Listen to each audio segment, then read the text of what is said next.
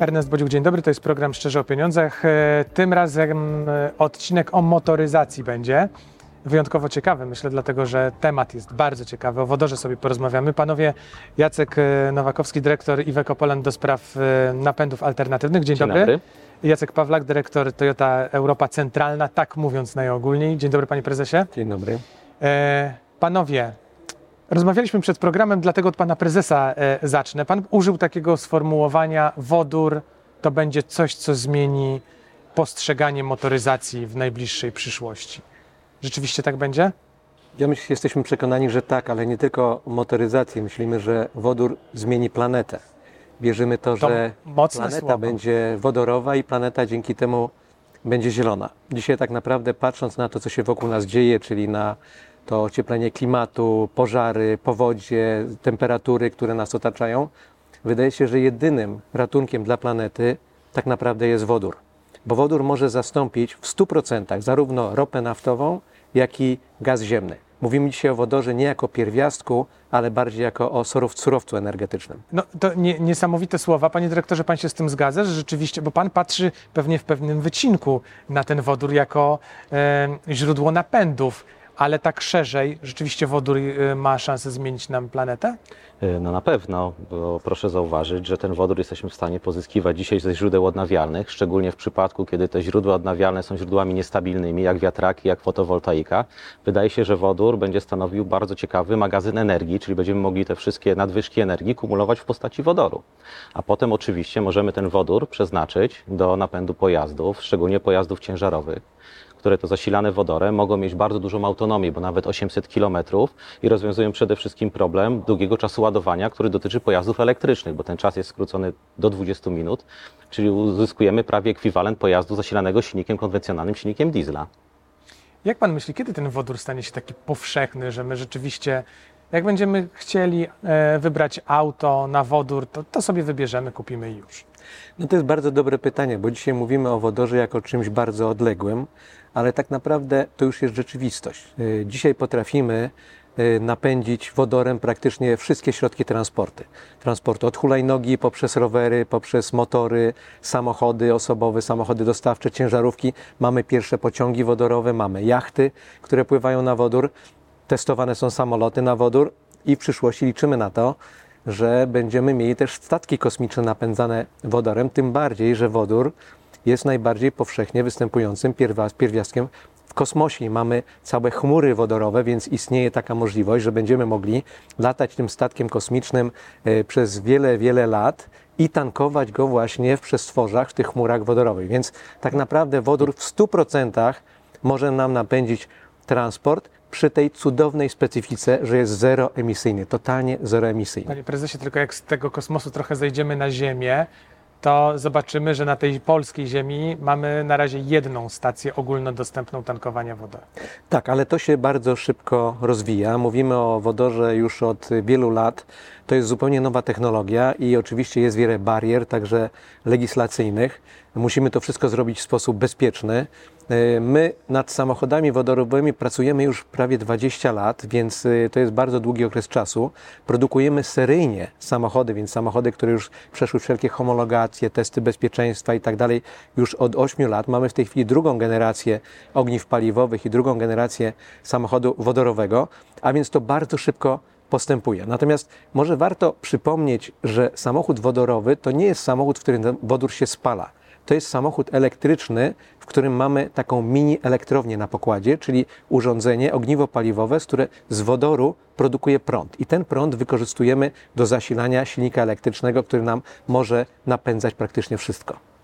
Zastanawiam się, jak my y, jako społeczeństwo podchodzimy do tego typu napędów, bo wie pan, jak sobie myślę, że wprowadzamy samochody elektryczne i mamy problem z tym, żeby pozwolić w garażach y, montować sobie ładowarki, wspólnoty mają z tym problem, to jak zaczniemy wprowadzać do garaży samochody wodorowe, to co to będzie? No co, no wydaje się, że technologia jest bezpieczna. Pewno o pojazdach y, osobowych więcej mógłby odpowiedzieć tutaj pan prezes. Ja oczywiście Nie wiem, mogę ciężarówką do garażu nie Do wjedziemy. ciężarówką do garażu nie wjedziemy, natomiast ja trochę odniosę się do tego, co powiedział pan prezes. Ta legislacja już zaczyna trochę pomagać. Od, y, od kilku tygodni mamy rozporządzenie Unii Europejskiej dotyczące y, rozwoju infrastruktury paliw alternatywnych. I tam wpisane jest, że do roku 2030 w każdym państwie członkowskim stacja tankowania wodoru, wysokowydajna stacja tankowania wodoru, mówimy tutaj o wydajności ponad jednej tony na dobę, ma powstać w każdym węźle miejskim. Tych węzłów dzisiaj w Polsce jest 8, docelowo będzie 30 i co 200 km wzdłuż sieci bazowej TENT-T, czyli my szacujemy, że do roku 2030 w Polsce takich wysokowydajnych stacji tankowania wodoru, czyli powyżej jednej tony na dobę, powinno powstać około 70, tak? Ale to przekładając na taki e, prosty język zwykłego kierowcy, co to oznacza? Jak my szybko ten wodór To oznacza, Tak że autonomia tego pojazdu i funkcjonalność tego pojazdu będzie bardzo podobna do ciężarówki diesla, czyli będziemy mieli możliwość zatankowania tej ciężarówki e, przy drogach szybkiego ruchu i autostradach i przemierzenie tak naprawdę z Warszawy do Lizbony taką ciężarówką trasy i do, dostarczenie produktów. A zastanawiam się, czy, y, czy motoryzacja będzie się rozwijała tutaj równomiernie. To znaczy, chodzi mi o to, czy ten e, transport drogowy będzie się rozwijał e, tak samo jak ten transport osobowy. Czy to idzie równo, czy gdzieś te drogi się rozjeżdżają? Jak pan na to patrzy? No, przede wszystkim warto pamiętać o tym, że samochód elektryczny na wodór i pewnie też ciężarówka elektryczna na wodór i autobus elek- elektryczny na wodór to są pojazdy elektryczne bez wad, bez wa- wad pojazdów elektrycznych. Dlatego, że y, nie mamy tego głównego problemu zasięgu i czasu ładowania. Ten samochód osobowy, o którym mówimy dzisiaj, czyli Toyota Mirai, ona, ją się ładuje wodorem 3 minuty, 5,5 kg wodoru i mamy zasięg 600 km. Więc jeżeli mielibyśmy na przykład stację w Warszawie i nad morzem, to bez problemu możemy pojechać sobie na wakacje, zatankować w Gdańsku i bez problemu można wrócić, prawda? Tego, tego luksusu nie mamy dzisiaj w samochodach elektrycznych na baterie, gdzie musimy się doładowywać w trakcie. I to, to samo dotyczy innych podróży. Czyli praktycznie rzecz biorąc, możemy takim samochodem jeździć po, całym, po całej Polsce, jeżeli będziemy mieli stację ładowania wodorem i także Europie w przyszłości, bez żadnych problemów związanych y, z okresem oczekiwania na ładowanie, na naładowanie itd. itd. Panie prezesie, a da się zrobić taki samochód, który będzie miał i wodór, i, i normalny, tradycyjny silnik, i jeszcze w razie czego będzie pluginem z baterią, która no, trochę tego prądu w sobie będzie miała. Samochody na wodór, które produkujemy w tej chwili, mają pełną technologię hybrydową, więc one mają także baterię, która odzyskuje energię w czasie hamowania. Więc mamy tutaj y, zastosowane w pełni tych przewag samochodów hybrydowych, mamy także zastosowane, y, zastosowanie w technologii y, wodorowej. Natomiast kolejne generacje są coraz bardziej efektywne, coraz bardziej zwiększamy zasięg, także są coraz tańsze.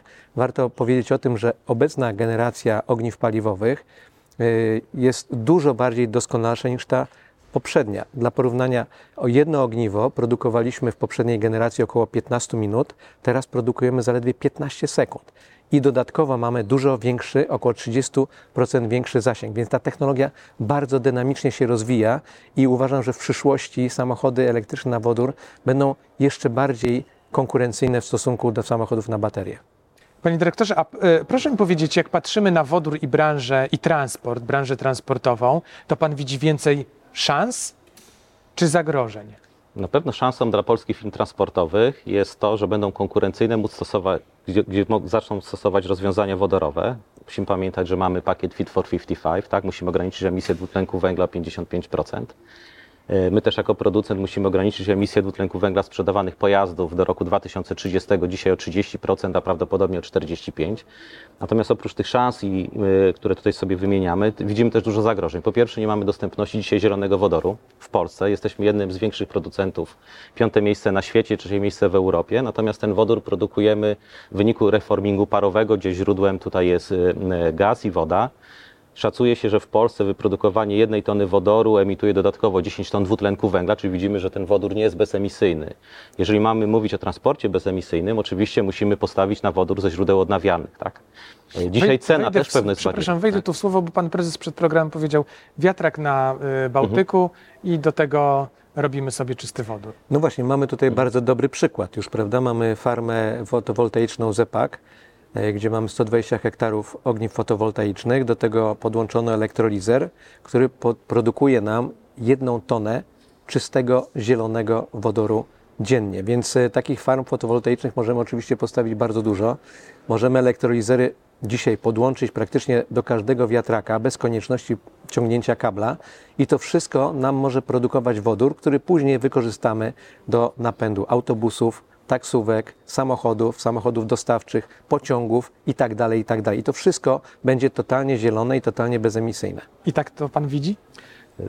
W niedalekiej przyszłości pewno tak, natomiast y, żeby to miało y, ekonomiczne uzasadnienie, my jesteśmy oczywiście producentem pełnej gamy pojazdów i policzyliśmy ostatnio, że w przypadku cen, które mówiliśmy tutaj na stacji, y, tej pierwszej stacji tankowania wodoru, to jest cena 69 zł brutto, to żeby przejechać 100 km ciężarówką wodorową, to koszt przejechania 100 km to jest 460 zł netto. Podczas gdy analogiczną ciężarówką zasilaną biometanem bądź dieslem pokonujemy tą trasę w, w kwocie mniej więcej 100-150 zł. Także jeszcze dużo, dużo wyzwań pewno przed nami. No, My jak założyliśmy, wodór się upowszechni, produkcja tego wodoru się Tak, upowszechni, dlatego- to ta cena będzie tak, automatycznie my mówimy, spadała. że je- żeby koszty posiadania i użytkowania pojazdu z silnikiem konwencjonalnym i wodorowym się zrównały, cena zielonego wodoru powinna być poniżej 5 euro za kilogram. Wtedy możemy mówić o tym, że mamy technologię, która jest ekonomicznie i ekologicznie uzasadniona. Panie No ale z- może jeszcze dodam z naszej strony, jak to wygląda. My mamy dzisiaj samochód osobowy Mirai, y, do którego ładujemy 5,5 kg wodoru, więc to nas kosztuje około 300 zł i to nam y, pozwala na przejechanie około 600 km. Więc y, około kilogram wodoru na 100 km, prawda? Czyli krótko mówiąc jest to ekwiwalent około 8 litrów benzyny. Czyli mniej więcej już dzisiaj przy obecnym koszcie produkcji wodoru płacimy za przejechanie kilometra tyle co na benzynie. Ale y, taka ciekawostka, największą w tej chwili farmę fotowoltaiczną na świecie buduje, uwaga, Arabia Saudyjska. I oni szacują, że y, koszt produkcji wodoru można obniżyć na tej farmie mniej więcej trzykrotnie. To oznacza, że w przyszłości wodór nie tylko może być przepięknie bezemisyjny, ale do tego trzykrotnie tańszy od ropy naftowej czy benzyny. I to rzeczywiście zmieni planetę. A zmieni też e, w taki sposób, że no, wie pan, co się stało z, z krajami arabskimi, jak odkrył siebie ropę. No, ich gospodarki eksplodowały, rozwinęły się niesamowicie. Myśli pan, że jak my byśmy na przykład zaczęli produkować ten wodór na potęgę, albo odkryli u siebie jakieś złoże czystego wodoru, to też takim drugim Dubajem możemy się stać? To trochę No. abstrakcyjne pytanie, ale tak wyolbrzymiam specjalnie. No rzeczywiście, jak spojrzymy na historię ludzkości i ekonomii w szczególności, to wiemy, że największe gospodarki na świecie, tak jak Stany Zjednoczone, Chiny, właśnie kraje arabskie, rozwinęły się dzięki temu, że miały ropę. My nigdy nie mieliśmy takiego szczęścia, ale dzisiaj No mamy... poza tym drobnym epizodem z, i, i panem Łukasiewiczem i południem kraju. No ale to było ponad 100 lat temu, dawno. Ale dzisiaj mamy taką jakby drugą szansę. Mamy coś, co może zastąpić ropę i tę ropę i ten surowiec, y, wodór, możemy produkować bez problemu w Polsce. Mamy y, mnóstwo miejsca, gdzie możemy postawić farmy fotowoltaiczne, możemy jeszcze postawić bardzo dużo wiatraków i te wszystkie y, urządzenia mogą nam produkować czysty wodór, którym możemy napędzać praktycznie rzecz biorąc wszystko.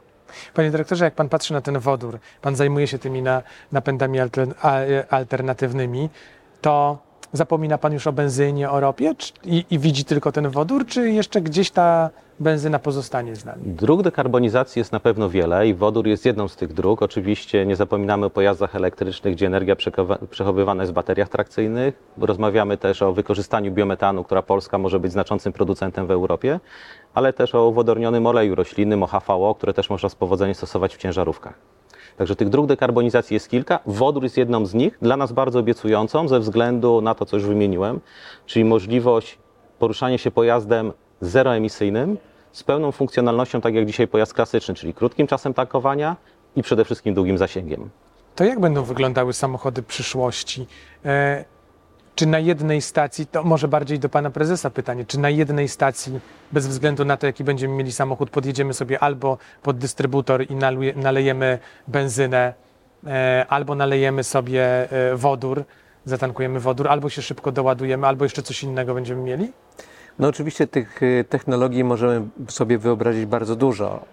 W samochodach elektrycznych na baterie największą dzisiaj barierą są same baterie, które są duże, ciężkie, bardzo drogie i bardzo długo się ładują, ale oczywiście nie możemy wykluczyć takiej sytuacji, że ktoś y, doprowadzi technologię baterii do takiego stopnia, że te baterie będą właśnie lekkie, będą się szybko ładowały i będziemy mieli na przykład zasięgi o 1000 czy 1200 km, więc e, możemy mieć grupę samochodów, które e, będą miały takie baterie, które będą się szybko ładować i wtedy nie będziemy mieli tych barier, które mamy w tej chwili. Natomiast y, y, rozwój tych technologii związanych z nowymi bateriami jest dosyć trudny. Przypomnijmy sobie, jak 20 lat temu na przykład wyglądały telefony, jak wyglądają dzisiaj, jak 20 lat temu wyglądała bateria paluszek i jak wygląda dzisiaj. Tutaj nie mamy jakiegoś gi- gigantycznego postępu. Oczywiście mamy baterie litowo-jonowe w telefonach, ale widzimy, że one jednak się grzeją, y, że one jednak są drogie, że jednak musimy te telefony na początku je ładujemy rzadziej, potem coraz częściej, czyli ta żywotność baterii spada, czyli mamy bardzo, bardzo dużo barier. Ale w tej chwili wszyscy na świecie, wszyscy producenci liczący się, pracują nad nowymi technologiami baterii. Wiemy, że bę- będziemy mieli w przyszłości baterie bipolarne, a więc tak, takie, kiedy mamy płytki bardzo gęsto umieszczone i mamy z jednej strony anodę, z drugą katodę, więc gęstość energii mamy bardzo dużą. Będziemy mieli baterie o stałym elektrolicie i także baterie oparte na y, częściej występujących y, na planecie pierwiastkach metalach. Więc to wszystko może się zmienić, ale tak do końca tego nie wiemy. E, Natomiast wodór bardzo dynamicznie się rozwija i te ogniwa e, paliwowe dzisiaj już są bardzo bezpieczne. E, Możemy je zastosować w autobusach. Mamy w Polsce dwóch dużych producentów autobusów na wodór, więc w miastach za chwilę pojawią się autobusy wodorowe. I co ciekawe, zarówno samochody, jak i autobusy nie tylko nie trują, ale one oczyszczają powietrze. Myśmy ostatnio obliczyli, że gdyby w zeszłym roku wszystkie Toyoty, które sprzedaliśmy, były autami wodorowymi, to oczyścilibyśmy powietrze w jednym średnim mieście w Polsce, takim na przykład jak Chorzów. No to rzeczywiście niesamowite, ale e, e, pan powiedział o tym, że e, dużo może się wydarzyć. Zastanawiam się, czy my dzisiaj już jesteśmy przekonani co do tego, czy oswoiliśmy się z myślą, jeśli chodzi o napędy, bo jakiś czas temu myśleliśmy, że skończą się paliwa kopalne, czy przestaniemy jeździć na benzynę e, i diesla i przejdziemy do samochodów elektrycznych, typowo elektrycznych, ładowanych z gniazdka. Dzisiaj chyba już coraz częściej mówimy i coraz bardziej mamy świadomość tego, że to nie jest tak zero-jedynkowo, że nie skończy się paliwo, nie skończy się benzyna na przykład i będzie samochód elektryczny, tylko tych rodzajów napędów będzie więcej. Dokładnie. I tutaj odpowiadając trochę na Pana wcześniejsze pytanie, my już obserwujemy w Europie Zachodniej, że na stacjach pojawiają się, to są stacje multipaliwowe. W miejsce dystrybutorów, część dystrybutorów jest likwidowana, wstawiane są ładowarki wysokich mocy albo dystrybutory y, wodoru. Już podjeżdżając na taką stację, jest kilka takich stacji w Europie, można zatankować wszystkie typy paliwa. Dowolnym pojazdem można by je zatankować. Natomiast to też, jeżeli chodzi o paliwa kopalne, musimy mieć na uwadze, że coraz większe, coraz rozwój technologii umożliwia już produkcję syntetycznego diesla, tak? I coraz mówimy o FULs, czyli o syntetycznych paliwach. Także, tak jak powiedziałem, tych dróg dekarbonizacji będzie kilka. Wodór będzie jedną z nich, ona bardzo dobrze się rozwija. Okazuje się, że bardzo dobrze może być wykorzystywana szczególnie e, w krajach, które mają niestabilne e, moce elektryczne, te, które pochodzą z energii ze źródeł odnawialnych, czyli wiatraki i fotowoltaika. Mówimy też o biometanie i mówimy właśnie o syntetycznych paliwach. Jeszcze jeden wątek chciałbym, żebyśmy poruszyli, trochę obok motoryzacji, ale związany z wodorem. Panie prezesie, pan y, myśli, że ten, że ten wodór w ogóle zmieni nam sposób funkcjonowania świata, nie tylko samochodów, ale szerzej, że my będziemy go wykorzystywać jako i akumulatory y, energii, i w ogóle paliwo do innych, e, czy to pojazdów, czy urządzeń? Mniej więcej 15 lat temu byłem na takim wykładzie w Filadelfii na Uniwersytecie Wharton i tam jeden z profesorów, profesor Rifkin, przedstawił właśnie taką wizję przyszłości, e, którą e, do dzisiaj pamiętam. Ta wizja polegała na tym, że e, w każdym domu będziemy mieli wiatrak, będziemy mieli panele fotowoltaiczne i być może nawet przydomową spalarnię śmieci i te wszystkie źródła energii będą produkowały za pomocą katalizatorów, będą produkowały nam wodór. Ten wodór będziemy, będziemy mogli przetrzymywać w zbiornikach i oczywiście z tego wodoru będziemy zas- zasilać zarówno dom w en- w energię elektryczną, używać go do ogrzewania i do wszystkiego, co nam jest potrzebne. E, Ten, tą Mirai, tą Toyotę Mirai, o której wspominałem, można już dzisiaj postawić przed domem i przy zatankowanym do pełna zbiorniku 5,5 kg wodoru możemy zasilić dom, totalnie odłączając go od elektrowni przez dwa tygodnie. Więc ten samochód może nam służyć jako taki generator prądu i znowu zeroemisyjnie. Czy przyszłość wygląda ciekawie? Na pewno wodorową. O, i to niech będzie puenta naszej rozmowy. Jacek Pawlak, Toyota Central Europe. Mm, e, dziękuję pięknie. Dziękuję. Jacek Nowakowski, e, Iweko Poland. Dziękuję pięknie. Dziękuję. To był program Szczerze o Pieniądzach. Ernest Bodziuk, do zobaczenia.